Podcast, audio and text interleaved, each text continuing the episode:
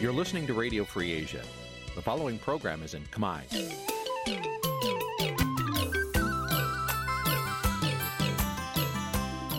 Nǐ chi càm bi tiệp xáy vệt chiu a zì sê ray នេះជាកម្មវិធីផ្សាយរបស់ Vithu Azisari ជាភាសាខ្មែរ វិទ្យុអាស៊ីសេរីសូមស្វាគមន៍លោកអ្នកនាងទាំងអស់ពីរដ្ឋធានី Washington នៃសហរដ្ឋអាមេរិក ចាប់ពីរដ្ឋធានី Washington នាងខ្ញុំម៉ៅសុធានីសូមជម្រាបសួរលោកអ្នកស្ដាប់ទាំងអស់ជាទីមេត្រីចាយើងខ្ញុំសូមជូនការផ្សាយសម្រាប់ព្រឹកថ្ងៃសុក្រ11កើតខែផុតបុត្រឆ្នាំឆ្លូវត្រីស័កពុទ្ធសករាជ2565ហើយដែលត្រូវនៅថ្ងៃទី17ខែកញ្ញាគ្រិស្តសករាជ2021ជាជាដំបូងនេះសូមអញ្ជើញលោកអ្នកនាងកញ្ញាស្ដាប់ព័ត៌មានប្រចាំថ្ងៃដែលមានមេត្តាដូចតទៅ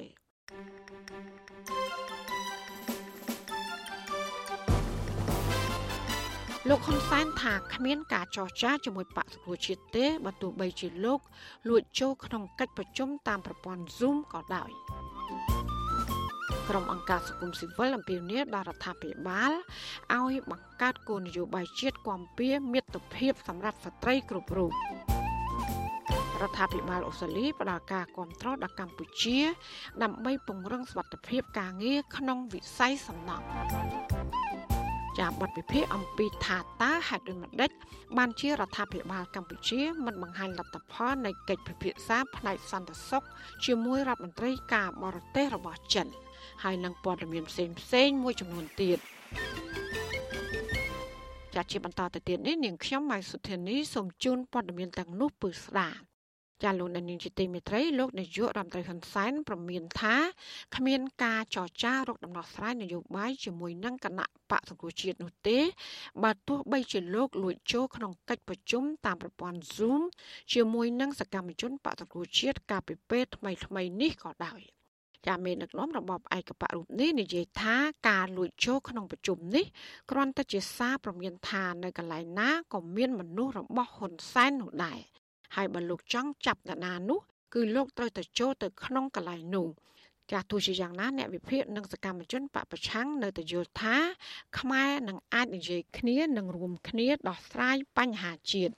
ចាប់ពីរដ្ឋធានី Washington លោកមានរដ្ឋាភិការព័ត៌មាននេះមេដឹកនាំរបបក្រុងភ្នំពេញ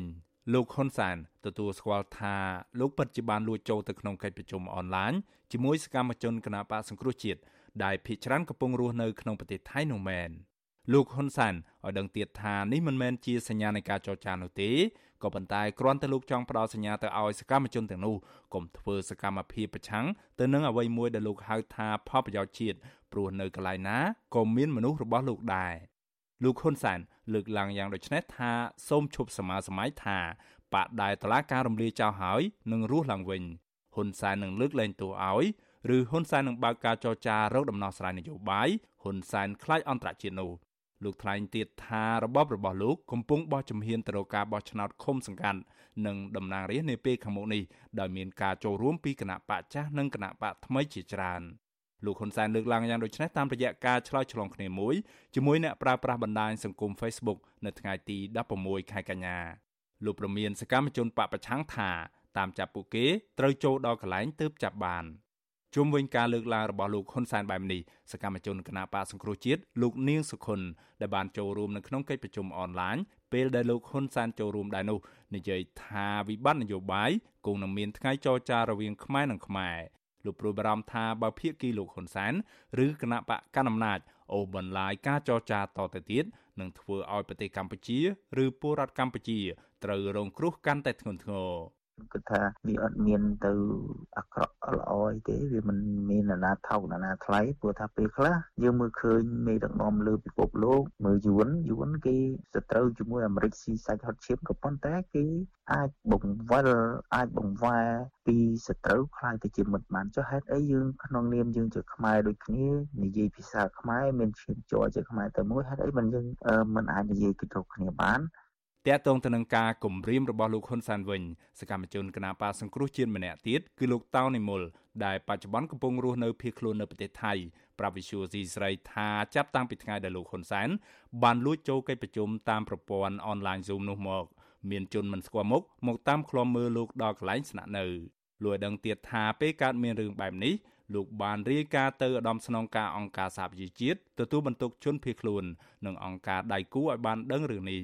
ឥឡូវនេះវានៅតែក្នុងនៅនៅទៅចាំក្រោមឡើងតាំងពីថ្ងៃសុកម្ដងឥឡូវវានៅតែមុខផ្ទះយ៉ាងហៀងមុខផ្ទះអាផ្លូវចូលវិជាចាមកនោះគឺវានៅជាហៀងមុខផ្ទះឲ្យយើងចោះគ្រប់វាដើរថតវបវបចូលមកដល់ចិត្តយើងវាអាចនឹងក្រៀកយើងទៀតហើយខ្ញុំឃើញអាប្រតិការដែលវាកើតនេះវាដូចអាថ្ងៃ9មុនមុនវិជ្ជការដែលវាតាមចាប់ខ្ញុំរយៈពេលមួយអាទិត្យមុនអញ្ចឹងណាកាលពីថ្ងៃទី9ខែកញ្ញាលោកហ៊ុនសានបានលួចចូលក្នុងកិច្ចប្រជុំផ្ទៃក្នុងរបស់គណៈបកសង្គ្រោះជាតិតាមប្រព័ន្ធអនឡាញ Zoom កិច្ចប្រជុំនោះដឹកនាំដោយលោកលងរីនឹងមានការចូលរួមពីសកម្មជនគណៈបកសង្គ្រោះជាតិជាង10នាក់ផ្សេងទៀតដែលភ ieck ច្រើនកំពុងរស់នៅក្នុងប្រទេសថៃ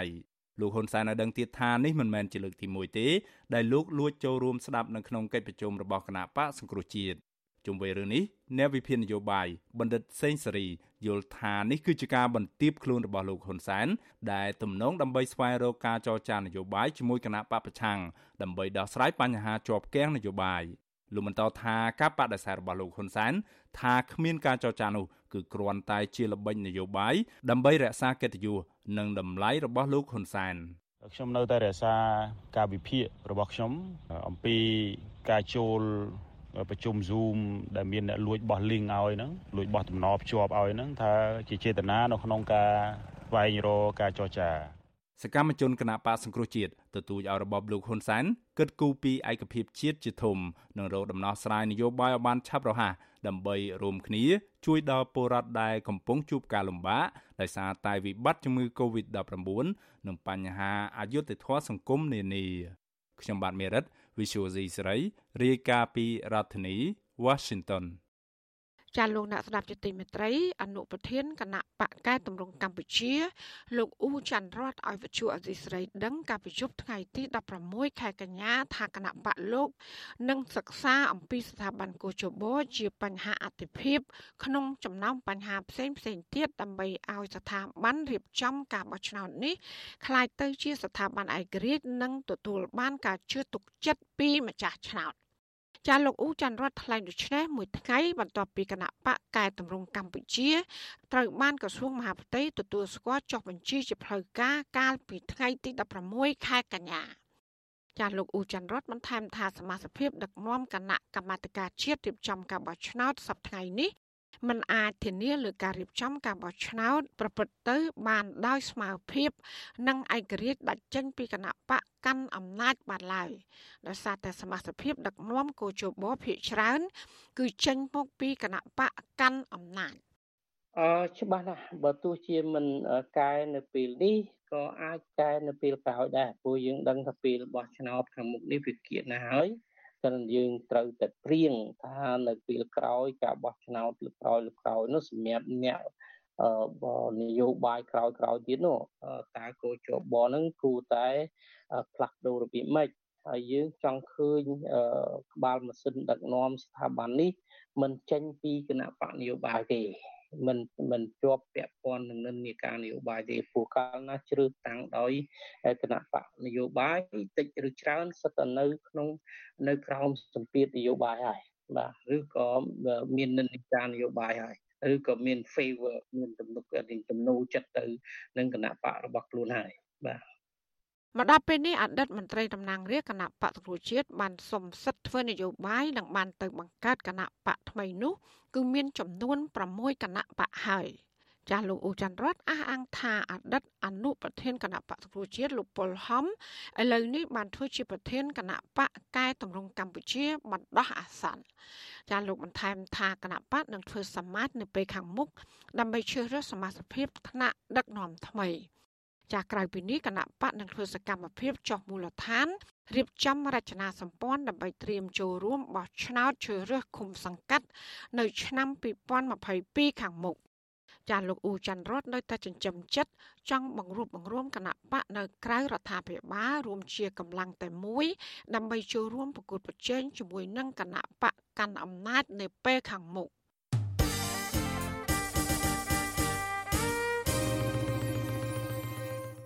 ចាលោកនាងកញ្ញាកំពុងស្ដាប់ការផ្សាយរបស់វិទ្យុអសីស្រីផ្សាយចេញពីរដ្ឋធានី Washington ទីប្រឹក្សារដ្ឋនិងជារដ្ឋមន្ត្រីក្រសួងការបរទេសចិនលោកវ៉ាងជីបានចាក់ចេញពីប្រទេសកម្ពុជាហើយកាលពីដើមសប្តាហ៍នេះក្រោយពីបានបំពេញទស្សនកិច្ចរយៈពេល2ថ្ងៃនៅប្រទេសកម្ពុជា តើមូលហេតុអ្វីបានជាជំនួបពិភាក្សារវាងមេដឹកនាំចិន និងមេដឹកនាំកម្ពុជាមិនបានប្រកាសលទ្ធផលជាសាធារណៈចាសសូមលោកអ្នកនាងកញ្ញារងចាំស្ដាប់បទវិភាគមួយអំពីរឿងនេះនៅក្នុងការផ្សាយរបស់យើងនាពេលបន្តិចទៀតនេះចាសសូមអរគុណ thank you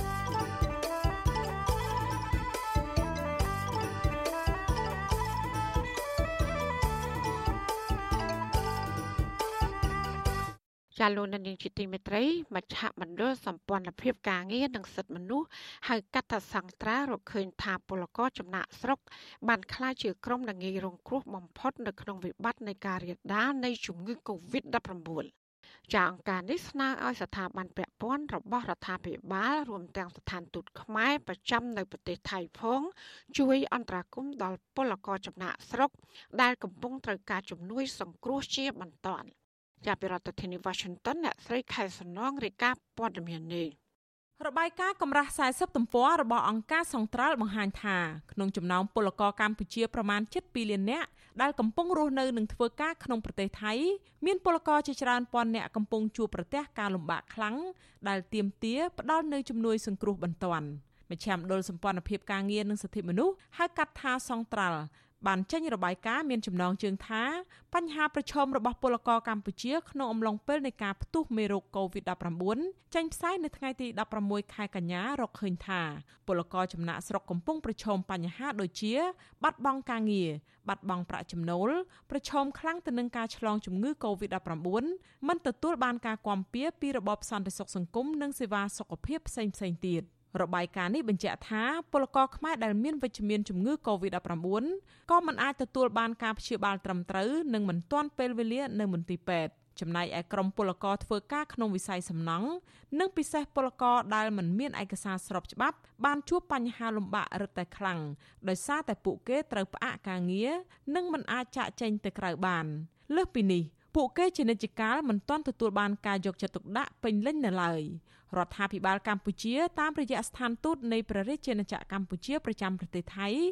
បានធ្វើការឆ្លើយតបបន្ទាន់និងជួយពលករដែលជួបការលំបាកបានខ្លះៗពល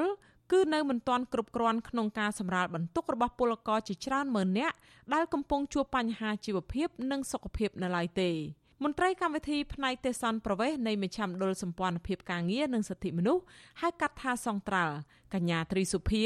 ថ្លែងថាគោលបំណងនៃការចេញផ្សាយរបាយការណ៍នេះគឺដើម្បីពំនាំនៅក្តីកង្វល់នានានិងផ្ដល់ព័ត៌មានដល់ភាគីពាក់ព័ន្ធអំពីបញ្ហាប្រឈមជាក់ស្ដែងដែលពលករកម្ពុជាកំពុងជួបប្រទះនៅក្នុងប្រទេសថៃហើយពលករខ្លះទៀតកំពុងព្យាយាមធ្វើដំណើរមកកម្ពុជាវិញ។ មន្ត្រីរូបនេះស្នើឲ្យអាជ្ញាធរនិងភាគីពាក់ព័ន្ធបង្កើតឬកែសម្រួលគោលនយោបាយច្បាប់ និងវិធានការនានាដើម្បីធានាបាននូវការដោះស្រាយដែលមានប្រសិទ្ធភាពឆ្លើយតបចំពោះសុខុមាលភាពសុវត្ថិភាពស្បៀងអាហារសុវត្ថិភាពផ្លូវកាយផ្លូវចិត្តនិងសេចក្តីថ្លៃថ្នូរសម្រាប់ពលករកម្ពុជា។ សូមធ្វើការសំណូមពរទៅដល់អាជ្ញាធរពាក់ព័ន្ធដើម្បីឲ្យគាត់ធ្វើការយ៉ាងណាដើម្បីពង្រីកនៅវិធានការក្នុងការឆ្លើយតបនិងផ្ដល់ជំនួយសង្គ្រោះបន្ទាន់ទៅដល់ពលករដែលគាត់ជួបប្រទះគឺទៅតាមស្ថានភាពជាក់ស្ដែងនៅអ្វីដែលកលៈទេសៈនេះគឺបានកើតមានឡើង ចឹងយើងសង្ឃឹមថាជាការរួមចំណែកមួយនៅក្នុងការបង្ហាញពីបញ្ហាផ្សេងផ្សេងហើយនឹងធ្វើការរំលឹកឡើងដើម្បីឲ្យអ្នកដែលធ្វើគោលនយោបាយហ្នឹងគឺដាក់ចេញនៅគោលនយោបាយមួយដែលរួមបញ្ចូលឬការកិត្តគូជាមួយនឹងក្រមពលករចំណាក់ស្រុកដែលគាត់ជាក្រមមួយដែលងាយទទួលរងគ្រោះនៅក្នុងវិបត្តិនេះវិទ្យុអស៊ីស្រីមិនទាន់អាចតាក់ទងមន្ត្រីរដ្ឋាភិបាលដើម្បីឆ្លើយតបទៅនឹងរបាយការណ៍នេះបាននៅឡើយទេនៅថ្ងៃទី16ខែកញ្ញា ពលករចំណាក់ស្រុកទាំងមានឯកសារនិងមិនមានឯកសារមានចន្លោះពី1លាន8សែននាក់ទៅ2លាននាក់ដែលកំពុងបម្រើការងារនៅប្រទេសថៃក្នុងវិស័យសំណង់ឧស្សាហកម្មម្ហូបអាហារគ្រឿងអេឡិចត្រូនិកឧស្សាហកម្មនេសាទកសិកម្មសេវាកម្មនិងអ្នកធ្វើការតាមផ្ទះរបាយការណ៍អង្គការសង្ត្រាល់បញ្ជាក់ថាពលករខ្មែរជាច្រើនគ្មានជំរឿអ្វីក្រៅពីបង្ខំចិត្តវិលត្រឡប់មកកាន់ប្រទេសកម្ពុជាវិញឡើយបើទោះបីជាពួកគេត្រូវចំណាយខ្ពស់ ធ្វើដំណើរដោយប្រថុយប្រឋានងាយចាញ់បោកមេខ្យល់និងងាយប្រឈមក្នុងការឆ្លងមេរោគក៏ដោយដោយឡែកនៅពេលមកដល់ព្រំដែនពួកគេជួបបញ្ហាមួយចំនួនទៀតនៅតាមមណ្ឌលចតាឡេស័កមានដូចជាភាពចង្អៀតណែនដែលមិនអាចរក្សាគម្លាតសុវត្ថិភាពមិនមានបន្ទប់ទឹកនិងគ្មានកន្លែងលាងសម្អាតដៃគ្រប់គ្រាន់ហើយបន្ទប់ទឹកប្រើប្រាស់រួមគ្នារវាងបុរសនិងស្ត្រីសម្ភារៈប្រើប្រាស់មិនគ្រប់គ្រាន់ពិសេសសម្រាប់ស្ត្រីនិងកុមារ មន្ត្រីអង្គការដដែលកញ្ញាត្រីសុភាទទូចឲ្យរដ្ឋាភិបាលពង្រីកនៅយន្តការឆ្លើយតបទៅនឹងវិបត្តិ COVID-19 ដើម្បីជួយដល់ពលករកម្ពុជាដែលកំពុងជួបការលំបាកទាំងនេះឲ្យបានសពជ្រុងជ្រោយជាបន្ទាន់និងមានប្រសិទ្ធភាពស្នើសុំផងដែរទៅដល់ការអន្តរាគមន៍ក៏ដូចជាការសហការគ្នារវាងរដ្ឋាភិបាលទាំងពីរ ជាមួយនឹងរដ្ឋាភិបាលកម្ពុជានិងរដ្ឋាភិបាលថៃក្នុងការពង្រីកនៅគោលនយោបាយក៏ដូចជាការផ្ដល់នៅជំនួយសង្គ្រោះផ្សេងផ្សេងដើម្បីឲ្យទៅដល់ពលករហើយមិនត្រូវគិតថាតើតែគាត់ជាពលករស្របច្បាប់មានឯកសារស្របច្បាប់ទៅយើងផ្ដល់ជំនួយនោះហេដោយសារតែក្នុងកលៈទេសៈនេះយើងដឹងថាអ្នកណាដែលរងគ្រោះជាងគេអ្នកណាដែលត្រូវបានគេកេងប្រវ័ញ្ចគៀបសង្កត់ក្នុងវិបត្តិនេះអញ្ចឹងយើងយើងត្រូវគិតគូរទៅដល់ពួកគាត់អង្គការអន្តរជាតិផ្នែកទេសន្តប្រវេស IOM ប្រចាំកម្ពុជា កាលពីថ្ងៃទី5ខែសីហា បង្ហាញថាពលករខ្មែរដែលវិលត្រឡប់មកប្រទេសវិញ មានចំនួនជាង225,000នាក់ក្នុងនោះស្ត្រីជាង120,000នាក់ឬស្មើនឹង45.5%ដោយសារស្ថានភាពផ្ទុះរាលដាលជំងឺ Covid-19 នៅប្រទេសថៃចា៎នាងខ្ញុំខែសុណងវັດឈូអាស៊ីសេរីរាយការណ៍ពីរដ្ឋធានី Washington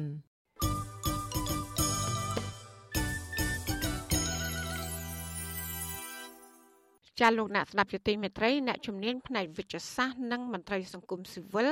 លើកឡើងថារដ្ឋាភិបាលមិនគួរពន្លឿនការចាក់វ៉ាក់សាំងឲ្យកុមារអាយុ6ឆ្នាំដល់11ឆ្នាំមុនការសម្រេចរបស់អង្គការសុខភាពពិភពលោកនោះទេពីព្រោះថានេះគឺជាការផ្សងគ្រោះថ្នាក់ហើយដែលនាំឲ្យមានការរិះគន់ថាកម្ពុជា គឺជាកន្លែងសាក់លបងវ៉ាក់សាំងរបស់ក្រុមហ៊ុនចិន។ ចាស់ការលើកឡើងនេះនៅបន្ទាប់ពីលោកនាយករដ្ឋមន្ត្រីហ៊ុនសែនសម្រាប់បើកយុទ្ធនាការចាក់វ៉ាក់សាំងបង្ការជំងឺ Covid-19 របស់ក្រុមហ៊ុនចិនឲ្យកុមារអាយុចាប់ពី6ឆ្នាំដល់11ឆ្នាំ ចាប់តាំងពីថ្ងៃសុក្រនេះតទៅខណៈដែលមិនទាន់មានការអនុញ្ញាត ដោយអង្គការសុខភាពពិភពលោកនៅឡើយចាអ្នកស្រីសុជីវីរាយការណ៍ព័ត៌មាននេះដូចតទៅអ្នកជំនាញផ្នែកវិទ្យាសាស្ត្រនិងមន្ត្រីសង្គមស៊ីវិលលើកឡើងថា រដ្ឋាភិបាលលោកហ៊ុនសែនគួរពិចារណារងចាំការអនុញ្ញាតជាផ្លូវការពីអង្គការសុខភាពពិភពលោកជាមុនសិនមុននឹងសម្រេចចាក់វ៉ាក់សាំងបង្ការជំងឺ Covid-19 របស់ក្រុមហ៊ុនចិនដល់កុមារអាយុចន្លោះពី6ដល់11ឆ្នាំដើម្បីធានាអំពីសុវត្ថិភាពឱសថការីខ្មែររស់នៅប្រទេសអូស្ត្រាលីលោកលឹមសួរថ្លែងថា មកដល់ពេលនេះប្រទេសនានានៅលើពិភពលោករួមមានសហរដ្ឋអាមេរិកសហភាពអឺរ៉ុបនិងអូស្ត្រាលីជាដើម ទើបសម្រាប់ចាក់វ៉ាក់សាំងបង្ការជំងឺ Covid-19 ដល់ក្មេងអាយុចាប់ពី12ឆ្នាំឡើងទៅប៉ុន្តែសម្រាប់ក្មេងអាយុក្រោម12ឆ្នាំកំពុងស្ថិតក្នុងដំណាក់កាលសិក្សានៅឡើយប៉ុន្តែលោកឲ្យដឹងថាប្រទេសចិនបានអនុញ្ញាតឲ្យប្រើប្រាស់បន្ទាន់នៅវ៉ាក់សាំងប្រភេទ Sinovac សម្រាប់ក្មេងអាយុចាប់ពី3ដល់17ឆ្នាំ តាំងពីខែមិថុនាហើយចិនបានអះអាងថា មានប្រសិទ្ធភាពនិងសុវត្ថិភាពសម្រាប់កុមារទោះជាយ៉ាងណាឱសថការីរូបនេះយល់ថា រដ្ឋាភិបាលកម្ពុជា គួរតែសិក្សាលម្អិតបន្ថែមទៀតអំពីហានិភ័យនិងត្រូវរងចាំការអនុញ្ញាតជាផ្លូវការពីអង្គការសុខភាពពិភពលោកជាមុនសិនដើម្បីកុំឲ្យប៉ះពាល់សម្រាប់កុមារគឺថាក្នុងទស្សនៈប្រទេសខាងលិចគឺប្រទេសអូស្ត្រាលីគេគិតផ្សេងដោយពូមានប្រសាសន៍ថាបើអត់មានហានិភ័យអីទេគេមិនទាន់ប្រញាប់ទេយល់ទេ មិនទាន់ប្រញាប់ទេបើប៉ះសិនជាប្រទេសយើងអានេះប៉ះសិននេះខ្ញុំអត់ដឹងប្រទេសយើងរបៀបម៉េចទេបើប៉ះសិនជាយើងអត់ទាន់មានហានិភ័យឬប្រជាជនក្មេងៗយើងមិនទាន់មានបញ្ហានៅឡើយយើងអាចពជាពេលបន្តិចយើងចង់មើលលទ្ធផលពេញលេញចេញពីអង្គការសហប្រជាជាតិអានេះគឺថាខ្ញុំណាតែបើយើងមានហានិភ័យឥឡូវនេះក្មេងៗវាឆ្លងពេកដោយប្រទេសចិននៅប្រទេសចិននៅវូហាននៅស្អីស្អីប្រទេសក្រុងចិនឈ្មោះអីមួយទៀតដែរក៏អញ្ចឹងដែរក៏វាប្រញាប់ទៅចាក់នឹងដោយសារពីការប្រញាប់លោកលឹមសួរយល់ថាបើទោះបីជាកុមារមិនទាន់ចាក់វ៉ាក់សាំងក៏ដោយ ក៏រដ្ឋាភិបាលអាចបើកសាលារៀនបានដែរ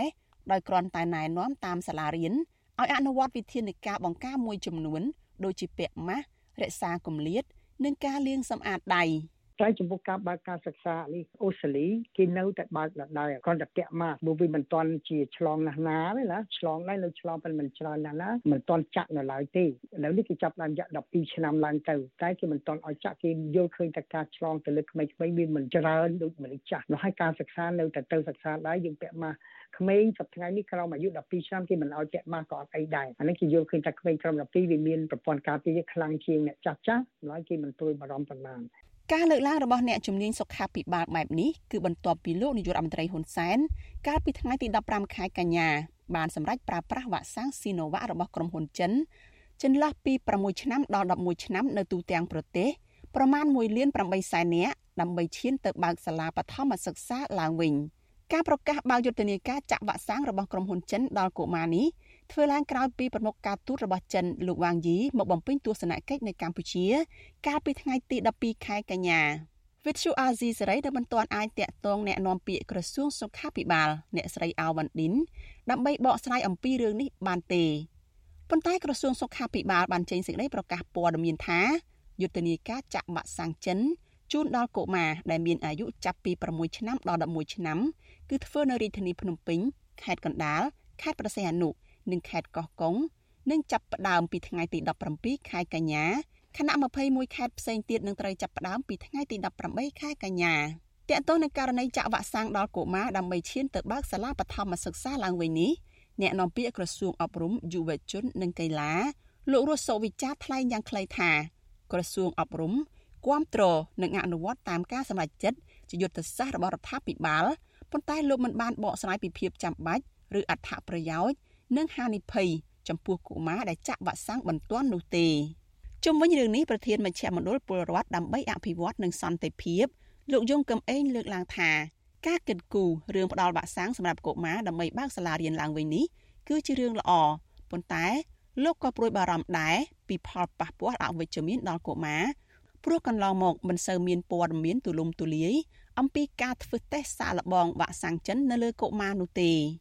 លោកជំរុញរដ្ឋាភិបាលបង្ហាញព័ត៌មានជាសាធារណៈឲ្យបានច្បាស់លាស់អំពីសវត្ថភាពនិងផលប៉ះពាល់ដើម្បីកុំឲ្យពលរដ្ឋព្រួយបារម្ភនិងរិះគន់ជុំវិញរឿងនេះ។ បើសិនជាការចាក់នេះទទួលបានលទ្ធផលល្អអាហ្នឹងគឺនឹងមិនមានការរិះគន់អីទេបាទប៉ុន្តែបើសិនជាវាដល់ផលអវិជ្ជមានច្រើនអាហ្នឹងវាអាចនឹងមានការរិះគន់ទៅដល់ផ្នែកវិជ្ជាសាស្ត្ររបស់យើងដែរបាទហើយនឹងការសម្រេចចិត្តរបស់យើងដែរបាទនេះជារឿងមួយសំខាន់ណាស់បាទជុំវិញបញ្ហានេះគឺការចាក់ឲ្យក្មេងនេះវាក៏មិនទាន់ជាការបញ្ញាប់ ពេកដែរដោយសារថាកម្រិតនៃការឆ្លងហើយផលប៉ះពាល់ពី COVID-19 វាមានកម្រិតទៀតដែរបាទទៀតមែនទែនបាទហើយដែលមិនមែនជាក្រុមដែលប្រឈមខ្លាំងបាទរដ្ឋាភិបាលលហ៊ុនសែនហាក់មិនរៀថយនៅក្នុងការទទួលយកវ៉ាក់សាំងចិន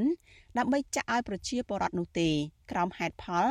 ការពីអាយុជីវិតពលរដ្ឋទោះបីជាមានការរិះគន់អំពីប្រសិទ្ធភាព និងសវត្ថភាពនៃវ៉ាក់សាំងចិនក្តី ក្រៅពីបើកយុទ្ធនាការចាក់វ៉ាក់សាំងដល់កុមារដែលមានអាយុចាប់ពី6ឆ្នាំហើយនោះលោកនាយករដ្ឋមន្ត្រីហ៊ុនសែនក៏កំពុងពិចារណាចាក់វ៉ាក់សាំងដល់កុមារដែលមានអាយុចន្លោះពី3ឆ្នាំដល់5ឆ្នាំដូចនៅប្រទេសចិនដែរនេះខ្ញុំសុជីវី With you Azizi Serai រាយការណ៍ពីរដ្ឋធានី Washington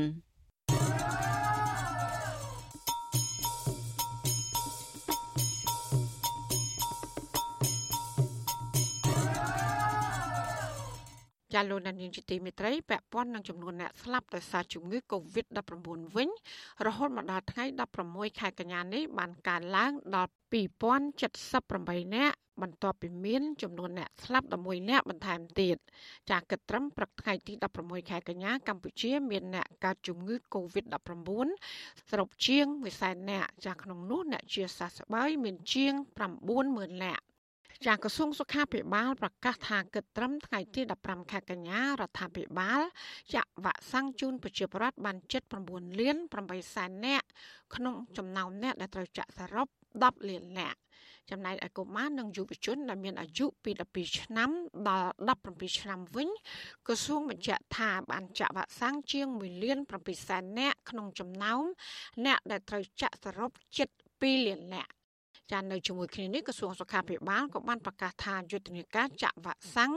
ជូនកុមារដែលមានអាយុពី6ឆ្នាំដល់11ឆ្នាំនោះគឺនឹងត្រូវចាប់ផ្ដើមនៅថ្ងៃទី17ខែកញ្ញានេះសម្រាប់រាជធានីភ្នំពេញខេត្តកណ្ដាលបរសៃអនុនិងខេត្តកោះកុងស្របពេលដែលខេត្តទាំង21ផ្សេងទៀតត្រូវចាប់ផ្ដើមចាប់ពីថ្ងៃទី18ខែកញ្ញាតទៅ។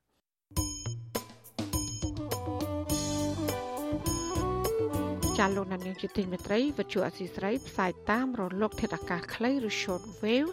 តាមកម្រិតនិងកម្ពស់ដូចតទៅចាពេលព្រឹកគឺចាប់ពីម៉ោង5កន្លះដល់ម៉ោង6កន្លះគឺតាមរយៈរលកធាតុអាកាសខ្លី9940 kHz ស្មើនឹងកម្ពស់ 30ម៉ែត្រចាសម្រាប់ពេលយប់វិញចាប់ពីម៉ោង7កន្លះដល់ម៉ោង8កន្លះគឺតាមរយៈរលកធាតុអាកាសខ្លី 9960 kHz ស្មើនឹងកម្ពស់ 30ម៉ែត្រហើយនឹង11240 kHz ស្មើនឹងកម្ពស់ 25ម៉ែត្រចាសសូមអរគុណ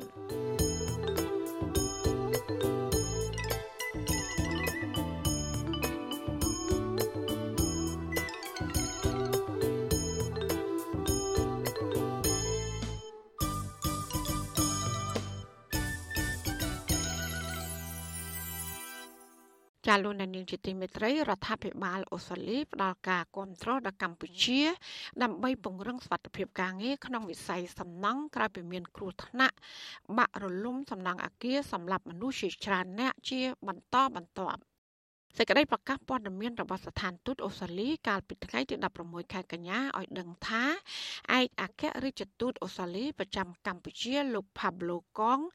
និងរដ្ឋលេខាធិការនៃក្រសួងដែនដីនគររូបនីយកម្មនិងសំណង់គឺលោកឆាន់សាផាន បានចុះហត្ថលេខាលើកិច្ចព្រមព្រៀងនេះក្នុងកិច្ចសហប្រតិបត្តិការពង្រឹងសុវត្ថិភាពការងារក្នុងវិស័យសំណង់នៅកម្ពុជាហើយដែលនឹងចាប់អនុវត្តនៅចុងឆ្នាំ2021ខាងមុខ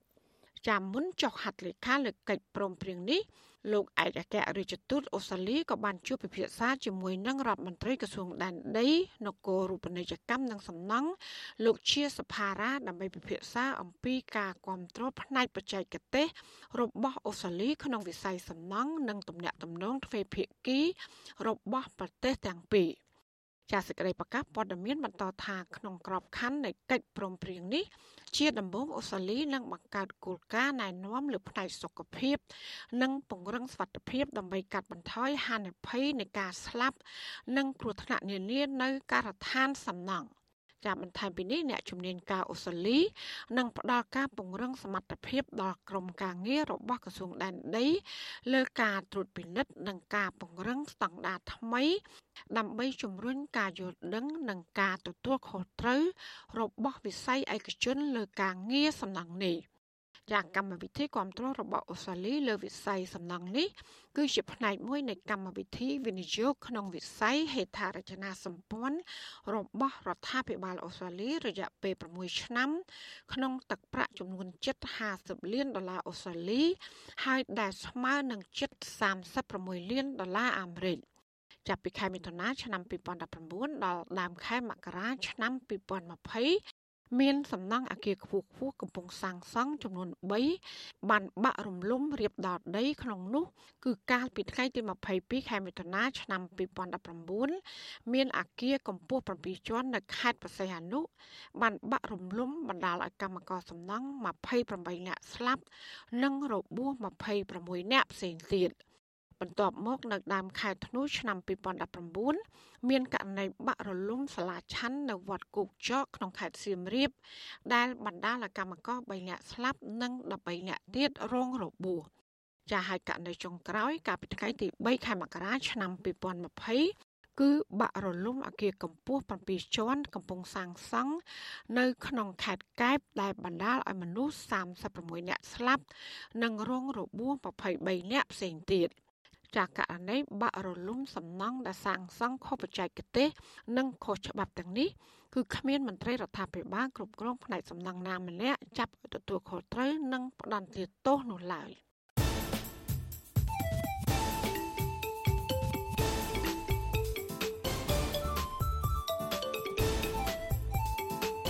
បាត់វិភាគ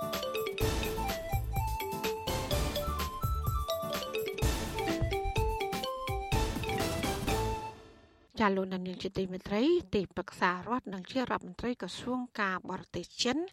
លោកវ៉ាងយីបានចាក់ចេញពីប្រទេសកម្ពុជាកាលពីព្រឹកថ្ងៃទី13ខែកញ្ញាក្រោយពីលោក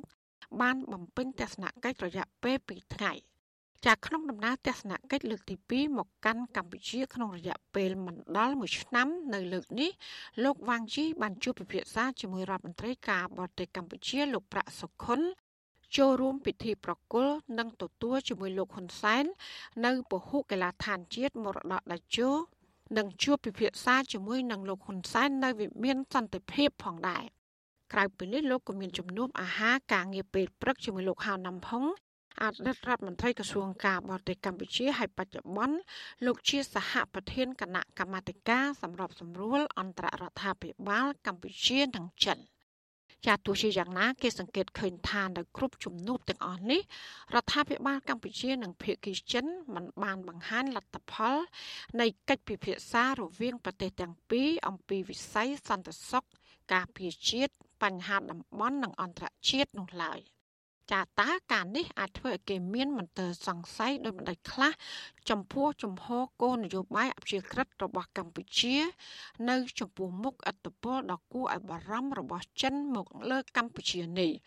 ចាលោកមានរិទ្ធមានប័ណ្ណវិភាគអំពីរឿងនេះដូចតទៅពីថ្ងៃនៅមុនដំណើរទស្សនកិច្ចរបស់ប្រមុខការទូតចិនមកកាន់កម្ពុជាក្រសួងការបរទេសកម្ពុជាបានចេញសេចក្តីប្រកាសព័ត៌មានបញ្ជាក់ថា គឺជាដំណើរទស្សនកិច្ចដែលតបតាមការអញ្ជើញរបស់លោកប្រាក់សខុនរដ្ឋមន្ត្រីក្រសួងការបរទេសកម្ពុជាសេចក្តីប្រកាសព័ត៌មានឲ្យដឹងថានៅក្នុងជំនួបជាមួយលោកប្រាក់សខុនប្រមុខការទូតនៃប្រទេសទាំងពីរក៏នឹងពិភាក្សាលើទស្សនវិជ្ជាផ្សេងៗនៃកិច្ចសហប្រតិបត្តិការទ្វេភាគីរួមមានការប្រយុទ្ធប្រឆាំងនឹងជំងឺ Covid-19 ពាណិជ្ជកម្មនិងការវិនិយោគការអប់រំសន្តិសុខនិងការការពារជាតិ ព្រមទាំងបញ្ហាក្នុងតំបន់និងអន្តរជាតិដែលជាប្រយោជន៍និងជាកង្វល់រួមរបស់ប្រទេសទាំងពីរទោះជាយ៉ាងណាក៏ដោយក្រោយភាគីទាំងពីរបានជួបគ្នានៅក្រសួងការបរទេសទាំងលោកប្រាក់សុខុននិងទាំងលោកវ៉ាងយីមិនបានបង្ហើបឲ្យគេឯងដឹងអំពីខ្លឹមសារនៃកិច្ចពិភាក្សាទៅលើប្រធានបទសន្តិសុខការការពារជាតិបញ្ហាក្នុងតំបន់និងពិភពលោកដែលភាគីទាំងពីរបានពិភាក្សានោះឡើយ។ ទាំងអស់នេះហើយប្រហែលជាប្រធានបទដែលមហាជនចង់ដឹងចង់ឮខ្លាំងជាងគេ នៅក្រៅជំនួបរវាងភាគីទាំងពីរសន្និសីទកាសែតដែលធ្វើឡើងក្រោយជំនួបនោះក៏មិនបានផ្ដល់ពេលវេលាឲ្យបានច្រើន សម្រាប់ឲ្យអ្នកសារព័ត៌មានបានសួរនោះទេគឺឃើញថាមានអ្នកកសែតតែពីរអ្នកប៉ុណ្ណោះដែលមានឱកាសបានសួរសំណួរគឺអ្នកកសែតមកពីទូរទស្សន៍ជាតិកម្ពុជាតតកនិងអ្នកកសែតម្នាក់ទៀតមកពីបណ្ដាញសារព័ត៌មានរបស់ចិន ចំណែកនៅក្រៅជំនួបជាមួយលោកហ៊ុនសាន នៅឯវិមានសន្តិភាព និងជំនួបជាមួយលោកហៅណាំហុងនៅសន្តាគារលើរយ៉ាល់ភាគីកម្ពុជានិងចិនក៏មិនបានលើកឡើងអំពីបញ្ហាសន្តិសុខការការពារជាតិបញ្ហាក្នុងតំបន់និងអន្តរជាតិដែលជាកង្វល់រួមរបស់កម្ពុជានិងចិននោះទេបើទោះបីជាដំណើរទស្សនកិច្ចរបស់ប្រមុខការទូតចិនត្រូវបានទទួលដោយភាពអធិកអធម ដំណើរទស្សនកិច្ចនេះក៏បានបន្សល់ទុកនៅចម្ងល់មួយចំនួនផងដែរក្រោយការចាក់ចែងរបស់លោកវ៉ាងយីពីកម្ពុជាគេប្រហែលជាមិនជឿទេថាលោកវ៉ាងយីមកកាន់កម្ពុជានៅពេលនេះគ្រាន់តែដើម្បីចូលរួមពិធីប្រគល់ពហុកីឡាដ្ឋានឬធ្វើជាអធិបតីនៅក្នុងពិធីចុះហត្ថលេខាលើឯកសារមួយចំនួនប៉ុណ្ណោះទេក៏ប៉ុន្តែអាចនៅមានបញ្ហាសំខាន់សំខាន់ជាងនេះច្រើនទៀតដែលភាគីទាំងពីរបានពិភាក្សាគ្នាហើយពួកគេមិនបានប្រកាសឲ្យដឹង ការសន្និដ្ឋានដូចនេះគឺដោយសារតែហេតុថាដំណើរទស្សនកិច្ចរបស់លោកវ៉ាងយីនៅកម្ពុជានៅពេលនេះគឺក្រោយពីអនុរដ្ឋមន្ត្រីការបរទេសអាមេរិកអ្នកស្រី Wendy Sherman បានមកកាន់កម្ពុជា ដែលនៅពេលនោះមន្ត្រីការទូតជាន់ខ្ពស់របស់អាមេរិករូបនេះបានទទូចឲ្យរដ្ឋាភិបាលកម្ពុជា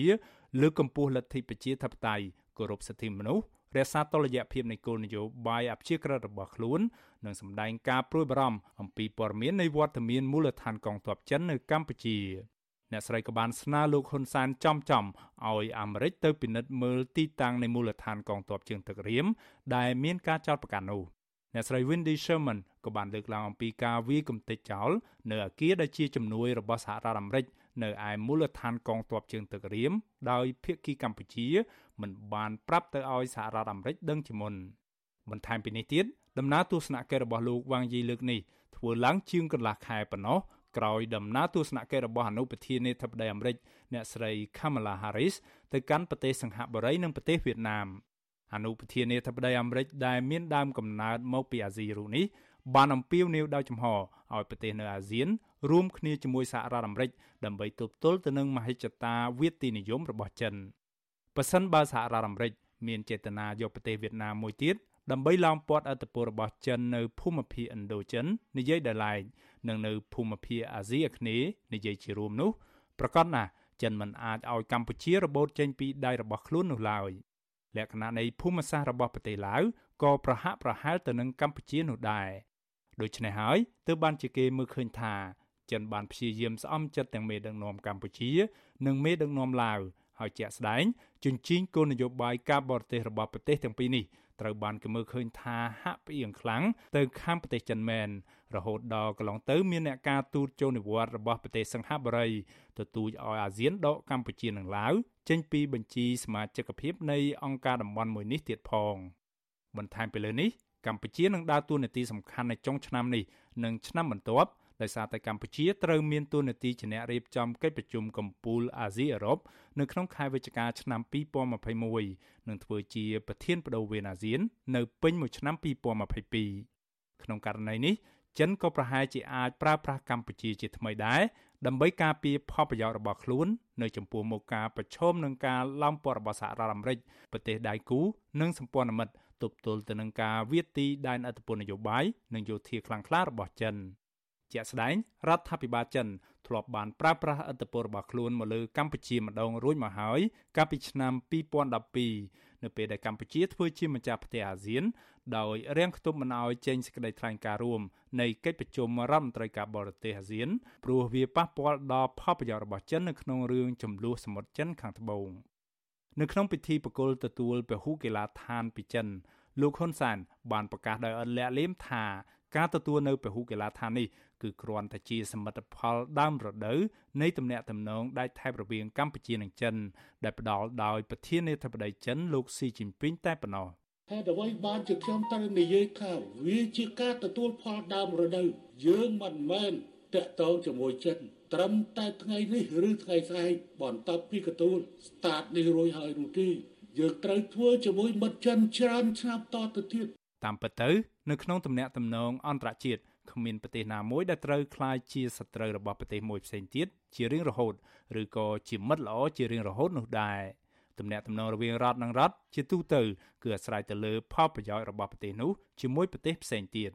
ជាក់ស្ដែងគេបានដឹងថានៅក្នុងឆ្នាំ1988គឺរយៈពេល3ឆ្នាំក្រោយពេលដែលលោកហ៊ុនសែនឡើងកាន់តំណែងជានាយករដ្ឋមន្ត្រីរួចមកដែលមានការគ្រប់គ្រងពីប្រទេសវៀតណាម និងសហភាពសូវៀតដែលជាគូប្រជែងរបស់ចិននៅពេលនោះលោកហ៊ុនសែនបានថ្កោលទោសចិនថាគឺជាឫសគល់នៃអំពើសោកនាដកម្មទាំងឡាយនៅកម្ពុជាចំណែកជនជាតិភាគតិចចិននៅកម្ពុជា ដែលសេសសល់ពីការកាប់សម្លាប់របស់ខ្មែរក្រហមត្រូវលួចរៀនភាសាជនជាតិរបស់ខ្លួនដោយសម្ងាត់ព្រោះថារបបសាធារណរដ្ឋប្រជាមានិតកម្ពុជា បានហាមឃាត់មិនឲ្យមានការផ្សព្វផ្សាយអំពីវប្បធម៌របស់ចិននៅកម្ពុជានោះទេគណៈសាលារៀន ភាសាចិនត្រូវបានរដ្ឋាភិបាលនៃរបបនោះដាក់បំរាមមិនឲ្យដំណើរការនោះឡើយលោកហ៊ុនសែនទើបចាប់ផ្ដើមមានទំនាក់ទំនងជាមួយប្រទេសចិននៅក្រៅព្រឹត្តិការណ៍រដ្ឋប្រហារបង្ហូរឈាមថ្ងៃទី5ទី6ខែកក្កដាឆ្នាំ1997ប៉ុណ្ណោះបន្ទាប់ពីចិនបានបោះបង់ចោលព្រះអង្គម្ចាស់នរោត្តមរណរដ្ឋដែលត្រូវបានលោកហ៊ុនសែនធ្វើរដ្ឋប្រហារទម្លាក់ចេញពីតំណែង ទំនាក់ទំនងរវាងលោកហ៊ុនសែននិងចិនកាន់តែមានភាពរឹងមាំរហូតដល់ភាគីទាំងពីរបានប្រសិទ្ធនាមថាជាមិត្តដៃថែបនៅក្នុងពេលបច្ចុប្បន្ននេះរីឯភាសាចិនទៀតសោតដែលធ្លាប់ត្រូវបានរបបលោកហ៊ុនសែនហាមឃាត់មិនឲ្យរៀនកាលពីទសវត្សរ៍ទី80នោះនៅពេលនេះក៏ត្រូវបានក្រសួងទេសចរកម្ពុជា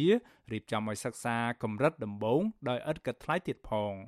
ក៏ប៉ុន្តែការប្រកាសរបស់លោកហ៊ុនសែនថាទំនាក់ទំនងកម្ពុជាចិនគ្មានពេលណារង្គោះរង្គើ ហើយថាបើមិនឲ្យលោកទៅពឹងចិនតើឲ្យលោកទៅពឹងអ្នកណាជាដើមនោះប្រកាសណាស់វាពិបាកឲ្យគេជឿណាស់ថាលោកហ៊ុនសែនមិនលំអៀងទៅរកប្រទេសចិនបើទោះបីជាលោកតែងតែប្រកាសថាលោកមិនលំអៀងក៏ដោយចុះប្រការនេះហើយទើបធ្វើឲ្យក្រុមអ្នកតាមដានស្ថានភាពនយោបាយកម្ពុជា តែងតែមានការបារម្ភអំពីការដើរភ្លាត់គន្លងអព្យាក្រឹតរបស់កម្ពុជា ដែលអាចនាំហានិភ័យដល់ប្រទេសជាតិដូចក្នុងពេលអតីតកាល ពួកគេចង់ឲ្យរបបលោកហ៊ុនសែនប្រកាន់ខ្ជាប់នៅគោលការណ៍អព្យាក្រឹតអចិន្ត្រៃយ៍មិនចូលបកសម្ព័ន្ធនិងសន្តិសហវិជ្ជមានឲ្យពិតប្រាកដជាមួយប្រទេសទាំងអស់នៅលើពិភពលោក ទាំងជាមួយប្រទេសជិតខាង និងប្រទេសមហាអំណាចនានាខ្ញុំបាទមេរិត Visual C ស្រីរាយការណ៍ពីរដ្ឋធានី Washington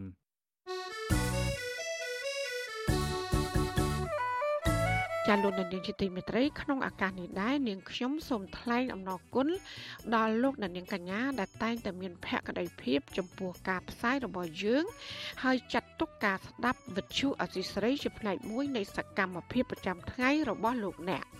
ចាការគ្រប់គ្រងរបស់លោកនាងនេះហើយដែលធ្វើយើងខ្ញុំ មានទឹកចិត្តកាន់តែខ្លាំងបន្ថែមទៀតក្នុងការស្វែងរក និងផ្តល់ព័ត៌មាន សម្រាប់ជូនលោកនាង ចាំមានអ្នកស្ដាប់និងអ្នកទស្សនាកាន់តែច្រើនកាន់តែធ្វើឲ្យយើងខ្ញុំ មានភាពស្វាហាប់មោះមុតជាបន្តទៀតចាយើងខ្ញុំសូមអរគុណទុកជាមុនហើយក៏សូមអញ្ជើញលោកអ្នកនាងកញ្ញាចូលរួមជំរុញសកម្មភាពផ្តល់ព័ត៌មានរបស់យើងនេះឲ្យកាន់តែបានជោគជ័យបន្ថែមទៀត។ចាលោកណានៀងអាចជួយយើងខ្ញុំបានដោយគ្រាន់តែចុចចែករំលែកឬ share ការផ្សាយរបស់យើងខ្ញុំនៅលើបណ្ដាញសង្គម Facebook និង YouTube ទៅកាន់មិត្តភ័ក្តិរបស់លោកណានៀងដើម្បីឲ្យការផ្សាយរបស់យើង បានទៅដល់មនុស្សកាន់តែច្រើនចាសសូមអរគុណចាលោកនានីជាទីមេត្រីក្រុមអង្គការសង្គមស៊ីវិលការពារសិទ្ធិស្ត្រីទាំងការងារក្នុងនិងក្រៅប្រព័ន្ធ អំពាវនាវដល់រដ្ឋាភិបាលនិងភាគីពាក់ព័ន្ធឲ្យបង្កើតគោលនយោបាយជាតិគាំពៀមាតុភាព សម្រាប់ស្ត្រីគ្រប់រូបដោយគ្មានការរើសអើងចាកការអំពាវនាវនេះបន្ទាប់ពីអង្គការ Oxfam បានបិទបញ្ចប់យុទ្ធនាការតាមអនឡាញឬហៅថាយុទ្ធនាការ Digital ស្ដីពីកិច្ចគាំពៀមាតុភាពចាអ្នកស្រីសុជីវីមានសេចក្តីរាយការណ៍ពឹស្ដាដាច់តម្លៃមួយទៀតជំវិញបញ្ហានេះ ក្រុមអង្គការសង្គមស៊ីវិលអំពាវនាវជាថ្មីទៀត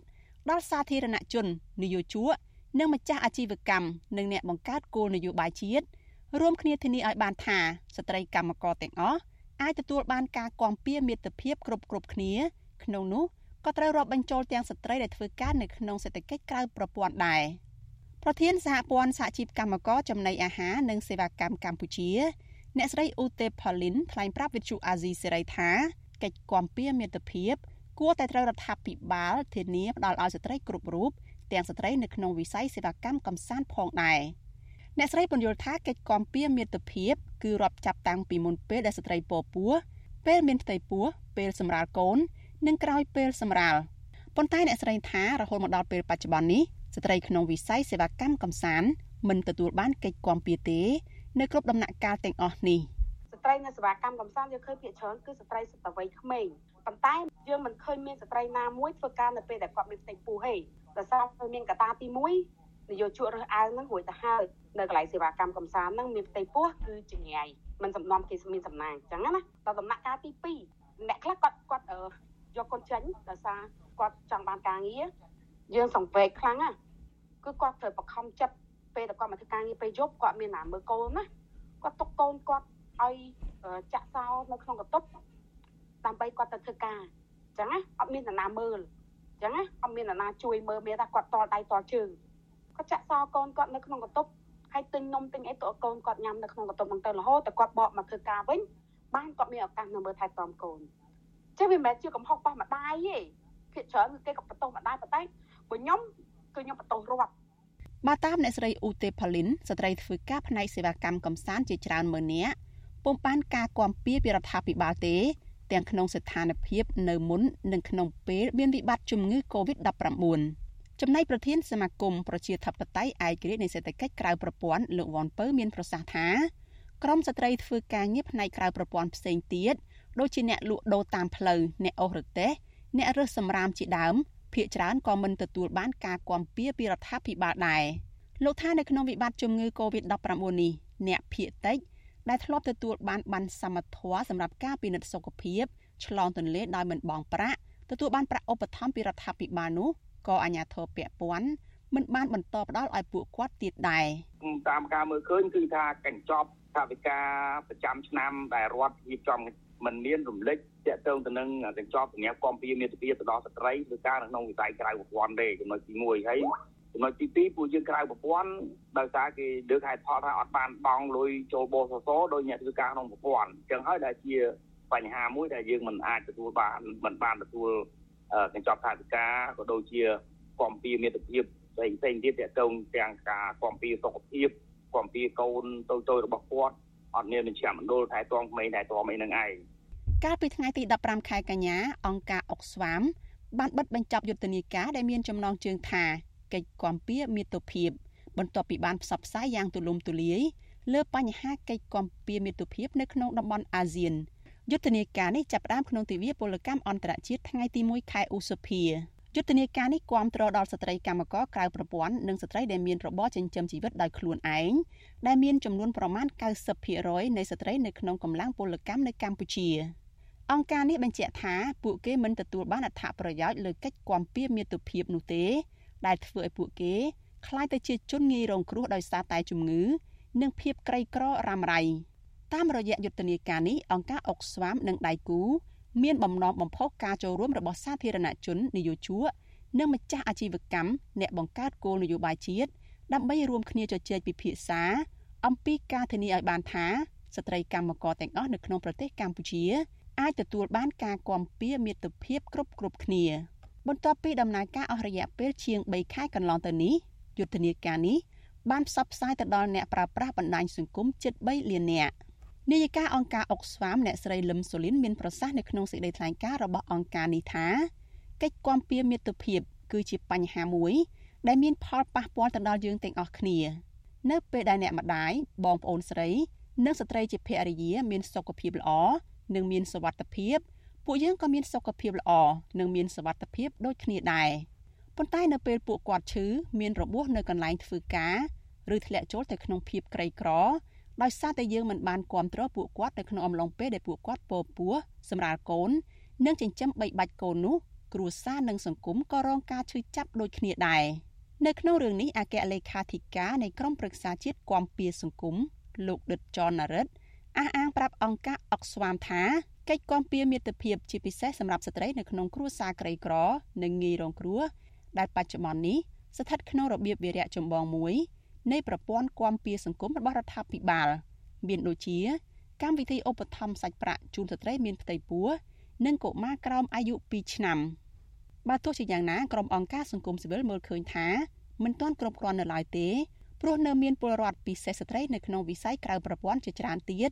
ដែលជួបការលំបាកបាត់បង់ចំណូលនៅមិនទាន់ត្រូវបានបញ្ចូលទៅក្នុងកម្មវិធីឧបត្ថម្ភសាច់ប្រាក់របស់រដ្ឋាភិបាលអ្នកស្រីអូទេផូលីនលើកឡើងថានៅពេលរដ្ឋាភិបាលមិនទាន់មានគោលនយោបាយគាំពៀមាតុភាពជាក់លាក់សម្រាប់ក្រមស្ត្រីនេះអ្នកស្រីជំរុញឲ្យរដ្ឋាភិបាលប្រើប្រាស់ក្របខ័ណ្ឌច្បាប់ដែលមានស្រាប់ជាពិសេសគឺច្បាប់ការងារលើសពីនេះអ្នកស្រីស្នើអាជ្ញាធរពាក់ព័ន្ធបង្កើតមតិសហគមន៍សម្រាប់កុមារដោយគ្មានការរើសអើងដែលអាចឲ្យម្ដាយគ្រប់រូប មានលទ្ធភាពទៅធ្វើការដោយមានទំនុកចិត្តពីសវត្ថភាពរបស់កូនកូនអញ្ចឹងរដ្ឋត្រូវតែបង្វិលបកមកវិញសេវារបស់រដ្ឋហ្នឹងត្រូវតែកសាងនៅទំនុកចិត្តហើយគុណភាពហើយនឹងអនាម័យដែលធ្វើឲ្យពលរដ្ឋហ្នឹងជឿជាក់បានមតិសហគមន៍នៅតាមមូលដ្ឋាននៅតាមភូមិឃុំសង្កាត់ហ្នឹងណាព្រោះយើងមើលឃើញឃុំសង្កាត់មានតែប៉ុន្តែបែរជាឃុំសង្កាត់ហ្នឹងអត់បានដើរតួនាទីនៅក្នុងការចិត្តស្និទ្ធជាមួយនឹងពលរដ្ឋហើយធ្វើសេវាកម្មណាមួយដែលពលរដ្ឋ មើលឃើញថាគឺត្រូវការព្រោះយើងមើលឃើញបច្ចុប្បន្នទៅជាឃុំសង្កាត់ហ្នឹងធ្វើតែទៅលើរឿងបោះឆ្នោតអីហ្នឹងការពៀបាក់អីហ្នឹងជាចំណែកលោកវុនពៅវិញលោកស្នើរដ្ឋាភិបាលកំណត់កម្រិតជីវភាពរបស់ពលរដ្ឋឲ្យបានត្រឹមត្រូវដើម្បីឲ្យស្ត្រីដែលក្រីក្រពិតប្រាកដអ្នកដែលធ្វើការនៅផ្នែកក្រៅប្រព័ន្ធបានទទួលអត្ថប្រយោជន៍ឲ្យសមស្របនឹងពាក្យថា ពួកគេមិនត្រូវបានទុកចោលអាហ្នឹងឯងរដ្ឋត្រូវកំណត់ថាតើមនុស្សដែលមានជីវភាពកម្រិតណារដ្ឋត្រូវមានការ ការសិក្សាស្រាវជ្រាវមួយដើម្បីវាតម្លៃពីកម្រិតជីវភាពពលរដ្ឋដែលធ្វើការក្នុងវិស័យក្រៅប្រព័ន្ធហ្នឹងថាតើកម្រិតណាដែលអាចរត់ហ្វ្រីជូនកម្រិតណាដែលរត់ត្រូវឲ្យបងលុយបរិភាគខ្លះសម្រាប់ចូលបេឡាជារបបសន្តិសុខសង្គមដើម្បីទទួលបានអាកិច្ចគាំពារសង្គមហើយចំណុចមួយទៀតរដ្ឋក៏ត្រូវរៀបចំកញ្ចប់ថវិកាជាតិមួយឲ្យជាក់លាក់ទាក់ទងទៅនឹងអាកិច្ចគាំពារសង្គមទាក់ទងកិច្ចគាំពារមាតុភាពនឹងឲ្យច្បាស់រដ្ឋមន្ត្រីក្រសួងផែនការលោកឆៃថនធ្លាប់បញ្ជាក់ថា ក្នុងវិបត្តិជំងឺ Covid-19 មានការប៉ាន់ប្រមាណថាកម្មករដែលបម្រើការងារនៅក្នុងវិស័យក្រៅប្រព័ន្ធប្រមាណ6លាននាក់បានបាត់បង់ការងារឬប្រឈមនឹងបាត់បង់ការងារនាងខ្ញុំសុជីវី Vithu Azizi Serai ពីរដ្ឋធានី Washington thank you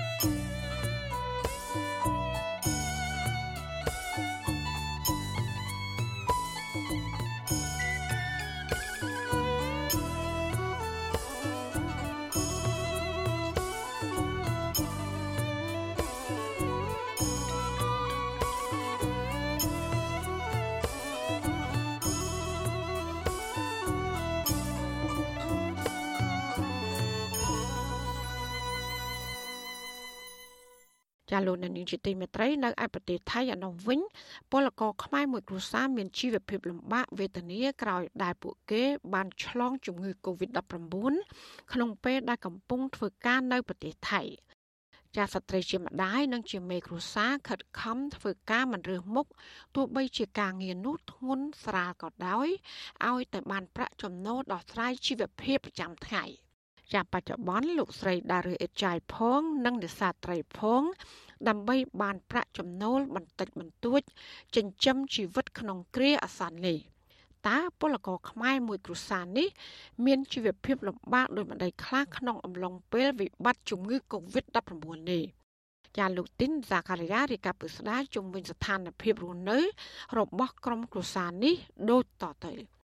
ពលករខ្មែរមួយគ្រួសារនេះមានសមាជិកគ្រួសារចំនួន4នាក់ក្នុងនោះលោកស្រីយ៉ាតនឹមគឺជាម្ដាយនិងជាមេគ្រួសារមិនមានប្តីនៅជាមួយនោះទេគ្រួសារលោកស្រីជួលបន្ទប់ស្នាក់នៅក្នុងខេត្តឆាយិញសៅចម្ងាយប្រមាណជា20គីឡូម៉ែត្រពីទីក្រុងបាងកកលោកស្រីយ៉ាតនឹមឲ្យអសិរ័យដឹងថាគ្រួសារលោកស្រីបានកើតជំងឺ Covid-19 ទាំងអស់គ្នារួមទាំងកូនលោកស្រីដែលមានអាយុ5ឆ្នាំម្នាក់ទៀតផងស្ត្រីវ័យ51ឆ្នាំរំនេះឲ្យដឹងថាពួកលោកស្រី ទើបតែជាសះស្បើយពីជំងឺ Covid-19 កាលពីចុងខែសីហាហើយរហូតមកដល់ពេលនេះមិនទាន់មានការងារធ្វើត្រឹមត្រូវឡើយទេអំឡុងពេលអត់ការងារធ្វើនេះលោកស្រីបានដើររើសឥតចាយយកមកលក់បានប្រាក់ចំណូលបន្តិចបន្តួចនិងបង់សំណាញ់ចាប់ត្រីលក់រកប្រាក់ចំណូលបន្ថែមទៀត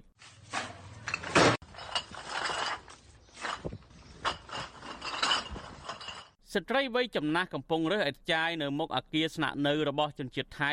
នៅខេត្តឆាកយិញសៅលោកស្រីយ៉ាត់នឹមដែលមានរូបរាងស្គមសម្បុរស្រអែមរៀបរាប់ប្រាប់វិទ្យុអាស៊ីសេរីថាកន្លងមកជីវភាពគ្រួសាររបស់លោកស្រីលំបាកស្រាប់ទៅហើយប៉ុន្តែចាប់តាំងពីមានការរាតត្បាតជំងឺ Covid-19 ខ្លាំងនៅក្នុងប្រទេសថៃមកធ្វើឲ្យជីវភាពកាន់តែលំបាកទ្វេដង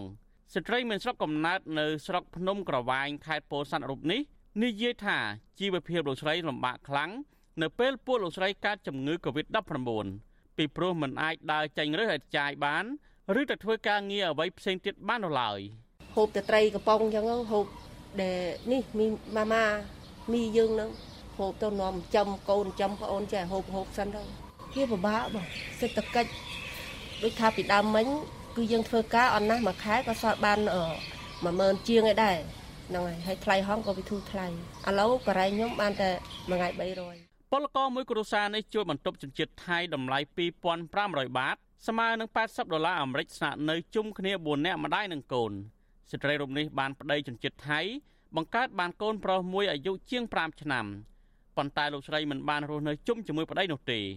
និយាយបណ្ដាលោកស្រីលើកស្បង់អេតចាយដាក់លើកូនរទេះរុញបណ្ដាក្រោមកម្ដៅថ្ងៃបែកញើសជោកខ្លួនដើម្បីយករបស់របរអេតចាយទៅទុកនៅខាងក្រោយអគារស្នាក់នៅរបស់ជនជាតិថៃ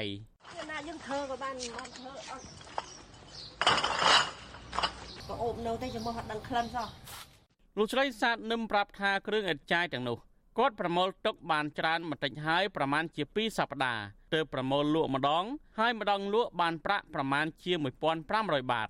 ឬស្មើនឹង50ដុល្លារបន្ថែមពីនេះលោកស្រីស៊ីឈ្នួលសម្អាតបន្ទប់ឲ្យជនជាតិថៃនៅក្បែរនោះបានខ្លះខ្លះដែរប៉ុន្តែបានប្រាក់ចំណូលមិនទៀងទាត់នោះទេដោយខែខ្លះបានប្រាក់ជាង3000បាតឬស្មើនឹងប្រមាណជា100ដុល្លារក្នុងមួយខែលោកស្រីបញ្ជាក់ថាប្រាក់ទាំងអស់នេះមិនគ្រប់សម្រាប់ដោះស្រាយជីវភាពគ្រួសារនោះទេ ព្រោះត្រូវចំណាយថ្លៃបន្ទប់ជួលថ្លៃទឹកភ្លើងសរុបជាង3000បាតក្នុងមួយខែរោងងានរោងងានកូនកូនគេធ្វើការអន្តរការទេជួននោះមួយខែបើកបាន1000ទេបាននោះជួន900យ៉ាងវិនេះកូនខ្ញុំអត់បានមួយបាតទេម៉ោង1កន្លះជួនកាលខ្ញុំបានបាយហូបចាហូបហើយឡើងធ្វើឲ្យហើយម៉ោង3ជាងអីរួចអស់ខ្ញុំទៅរកបងត្រីជួនទៅឥឡូវខ្ញុំឈឺឈឺជាជាហៀងខ្លួនណាលើកធ្ងន់វាមិនបានណាក្រៅពីមុខរបរដើររើសអេតចាយនេះហើយ លោកស្រីបានដើរបង់សំណាញ់និងស្ទូចត្រីតាមប្រឡាយទឹកនៅតំបន់នោះដើម្បីរកប្រាក់ចំណូលបន្ថែមទៀតសម្រាប់គ្រប់គ្រងគ្រួសារត្រីដែលរកបានមួយចំនួនលោកស្រីធ្វើប្រហុកទុកលក់ឲ្យពលករខ្មែរនិងមួយចំនួនទៀតចំអិនធ្វើអាហារហូបចុកប្រចាំថ្ងៃយុវជនទឹកសុជាតិអាយុ21ឆ្នាំគឺជាកូនប្រុសលោកស្រីសាទនឹមយុវជននេះនិយាយដោយសម្ដីមួយមួយថាលោកមិនទាន់មានកម្លាំងកំហែង ដើម្បីធ្វើការងារជួយរកប្រាក់ជូនម្ដាយនោះនៅឡើយទេពីព្រោះទៅជាសះស្បើយពីជំងឺ Covid-19 បានជាងមួយសប្តាហ៍លោកបន្តថាកាលពីនៅមិនទាន់មានវិបត្តិជំងឺ Covid-19 លោកធ្វើការងាររោងចក្រនៅក្បែរនោះបានប្រាក់ចំណូលជាង10000បាតក្នុងមួយខែប៉ុន្តែពេលនេះលោកមិនធ្វើការងារនោះទេជួយគាត់ខ្លះពេលត្នេពេលគាត់ទៅស្ទូចត្រីក៏ជួនកាលខ្ញុំក៏ទៅដែរបាក់ច្រើន ពិបាកនិយាយទៅមកធ្វើពលករនៅស្រុកគេមិនដែលមានពាក្យថាស្រួលទេនៅតំបន់នោះមានពលករខ្មែរជាច្រើនអ្នកទៀតបានឆ្លងជំងឺ Covid-19 ក្នុងនោះពលករមួយចំនួនបានជាសះស្បើយវិញហើយនិងមួយចំនួនទៀតកំពុងសម្រាប់ព្យាបាលជំងឺនៅក្នុងបន្ទប់ជួលតាមយថាកម្មដោយខ្លួនឯងលោកទឹកសុជាតិប្រាប់ថាពលករខ្មែរភ័យច្រើន អត់ការងារធ្វើហើយមានពលករខ្លះបានវិលទៅកម្ពុជាវិញដោយសារព្រួយបារម្ភខ្លាចឆ្លងជំងឺ Covid-19 លោកបន្តថាតាំងពីពួកលោកកើតជំងឺ Covid-19 មកពុំមានអាជ្ញាធរខ្មែរណាចោះសួរសុខទុក្ខនិងចែកស្បៀងអាហារជូនដល់គ្រួសារលោកនោះទេតើតើនឹងបញ្ហានេះអាស៊ីសេរីមិនអាចតាក់ទងមន្ត្រីស្ថានទូតខ្មែរប្រចាំនៅទីក្រុងបាងកកនិងអ្នកនាំពាក្យក្រសួងការងារលោកហេងសួរ ដើម្បីសុំការអធិប្បាយជុំវិញនឹងបញ្ហាពលករដែលនៅប្រទេសថៃកំពុងតែជួបការខ្វះខាតនេះបាននៅឡើយទេនៅថ្ងៃទី16កញ្ញាប៉ុន្តែគេហទំព័រ Facebook របស់ស្ថានទូតខ្មែរប្រចាំនៅទីក្រុងបាងកកបានចុះផ្សាយអំពីសកម្មភាពចុះចែកស្បៀងអាហារជូនដល់ពលករខ្មែរនៅប្រទេសថៃជាបន្តបន្ទាប់ដែរជុំវិញនឹងរឿងនេះមន្ត្រីអង្គការសង្ត្រល់ទទួលបន្ទុកផ្នែកពលករលោកឌីទេហូយ៉ាជឿថាអំឡុងពេលនេះអាចមានពលករខ្មែរជាច្រើនអ្នកកំពុងតែឆ្លងជំងឺ Covid-19 ហើយពួកគេមានជីវភាពលំបាកវេទនាដោយសារអត់ការងារធ្វើស្ថានភាពបែបនេះលោកយល់ថាក្រុមពលករទាំងនោះគួរតែចេះតាក់ទងទៅស្ថានទូតខ្មែរនៅប្រទេសថៃនិងរដ្ឋាភិបាលដើម្បីឲ្យជួយផ្ដល់ស្បៀងអាហារនិងថ្នាំព្យាបាលជំងឺ Covid-19 ជូនពួកគាត់បន្ថែមពីនេះលោកថាពលករត្រូវចេះប្រើប្រាស់បណ្ដាញសង្គម Facebook ដើម្បីសម្ដែងមតិបង្ហាញពីទុកកង្វល់របស់ខ្លួនដែរដើម្បីឲ្យស្ថាប័នពាក់ព័ន្ធបានដឹងនិងជួយពួកគាត់មន្ត្រីអង្គការសង្គមស៊ីវិលរូបនេះបន្តថារដ្ឋាភិបាលខ្មែរ គួរតែបង្កើតគណៈកម្មការចុះជួយដោះស្រាយទុកលំបាករបស់ពលករខ្មែរក្នុងគ្រាអាសន្ននេះដែរនៅក្នុងកលៈទេសៈនេះរដ្ឋាភិបាលស្ថានទូតហ្នឹងក៏ត្រូវតែព្យាយាមស្ដាប់នៅបញ្ហាដែលពលរដ្ឋយើងជួបប្រទះយើងដឹងហើយថាពលករនៅប្រទេសថៃហ្នឹងមានច្រើនរហូតដល់2លានអ្នកឯណោះអញ្ចឹងនៅក្នុងចំណោម2លានអ្នកនោះយើងគិតថាគាត់អត់មានការងារធ្វើនឹងច្រើនគាត់មានបញ្ហាហ្នឹងក៏ច្រើនដែរក្រសួងសុខាភិបាលថៃដឹងថាគិតត្រឹមថ្ងៃទី6ខែកញ្ញាមានពលករខ្មែរជាង23000នាក់ ឆ្លងជំងឺ Covid-19 ចំនួននេះមិនទាន់រាប់បញ្ចូលអ្នកឆ្លងដល់សម្រាប់ព្យាបាលនៅតាមបន្ទប់ជួលដោយខ្លួនឯងនោះឡើយបញ្ហានេះធ្វើឲ្យពលករខ្មែរជាច្រើនអ្នកបានវិលទៅកម្ពុជាវិញដោយសារពួកគាត់មិនអាចទ្រាំរស់នៅប្រទេសថៃបន្តទៀតបានរបាយការណ៍របស់អង្គការអន្តរជាតិទេសុនប្រវេសប្រចាំនៅកម្ពុជា IOM បង្ហាញថាចាប់តាំងពីខែមិនិនាឆ្នាំ2020ដល់ថ្ងៃទី8កញ្ញាឆ្នាំ2021មានពលករខ្មែរជិត240,000នាក់ បានវិលទៅកម្ពុជាវិញក្នុងនោះនៅខែសីហាឆ្នាំ2021មាន14000នាក់បានត្រឡប់ទៅកម្ពុជាវិញទោះជាយ៉ាងណាគ្រួសាររបស់លោកស្រីយ៉ាតនឹមសម្រេចចិត្តមិនវិលទៅកម្ពុជាវិញនៅក្នុងគ្រាអាសន្ននេះទេដោយសារពួកគេមានជីវភាពក្រីក្រហើយគ្មានមុខរបររកប្រាក់ចំណូលនៅក្នុងស្រុកពួកគេបញ្ជាក់ថាសោកចិត្តទ្រាំរស់នៅលំបាកដល់រើសអត់ចាយបងសំណាញ់ស្ទូចត្រីលក់និងស៊ីឈ្នួលបោះសម្អាតបន្ទប់ឲ្យជនជាតិថៃបន្តិចបន្តួច រហូតដល់ស្ថានភាពជំងឺ Covid-19 បានធូរស្រាលឡើងវិញក្រាញ់បានការងារធ្វើត្រឹមត្រូវដើម្បីសន្សំប្រាក់ទៅប្រកបរបរចិញ្ចឹមជីវិតនៅឯស្រុកកំណើតខ្ញុំទីនសាការីយ៉ាអសិរ័យប្រធានីវ៉ាស៊ីនតោន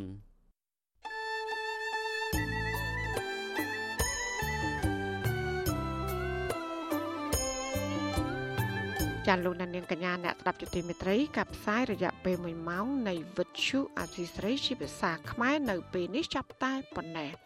ចាយើងខ្ញុំទាំងអស់គ្នាសូមជូនពរលោកលានាងព្រមទាំងក្រុមគូសាទាំងអស់សូមជួបប្រកបតែនឹងសេចក្តីសុខសេចក្តីចម្រើន ជានិរន្តរ៍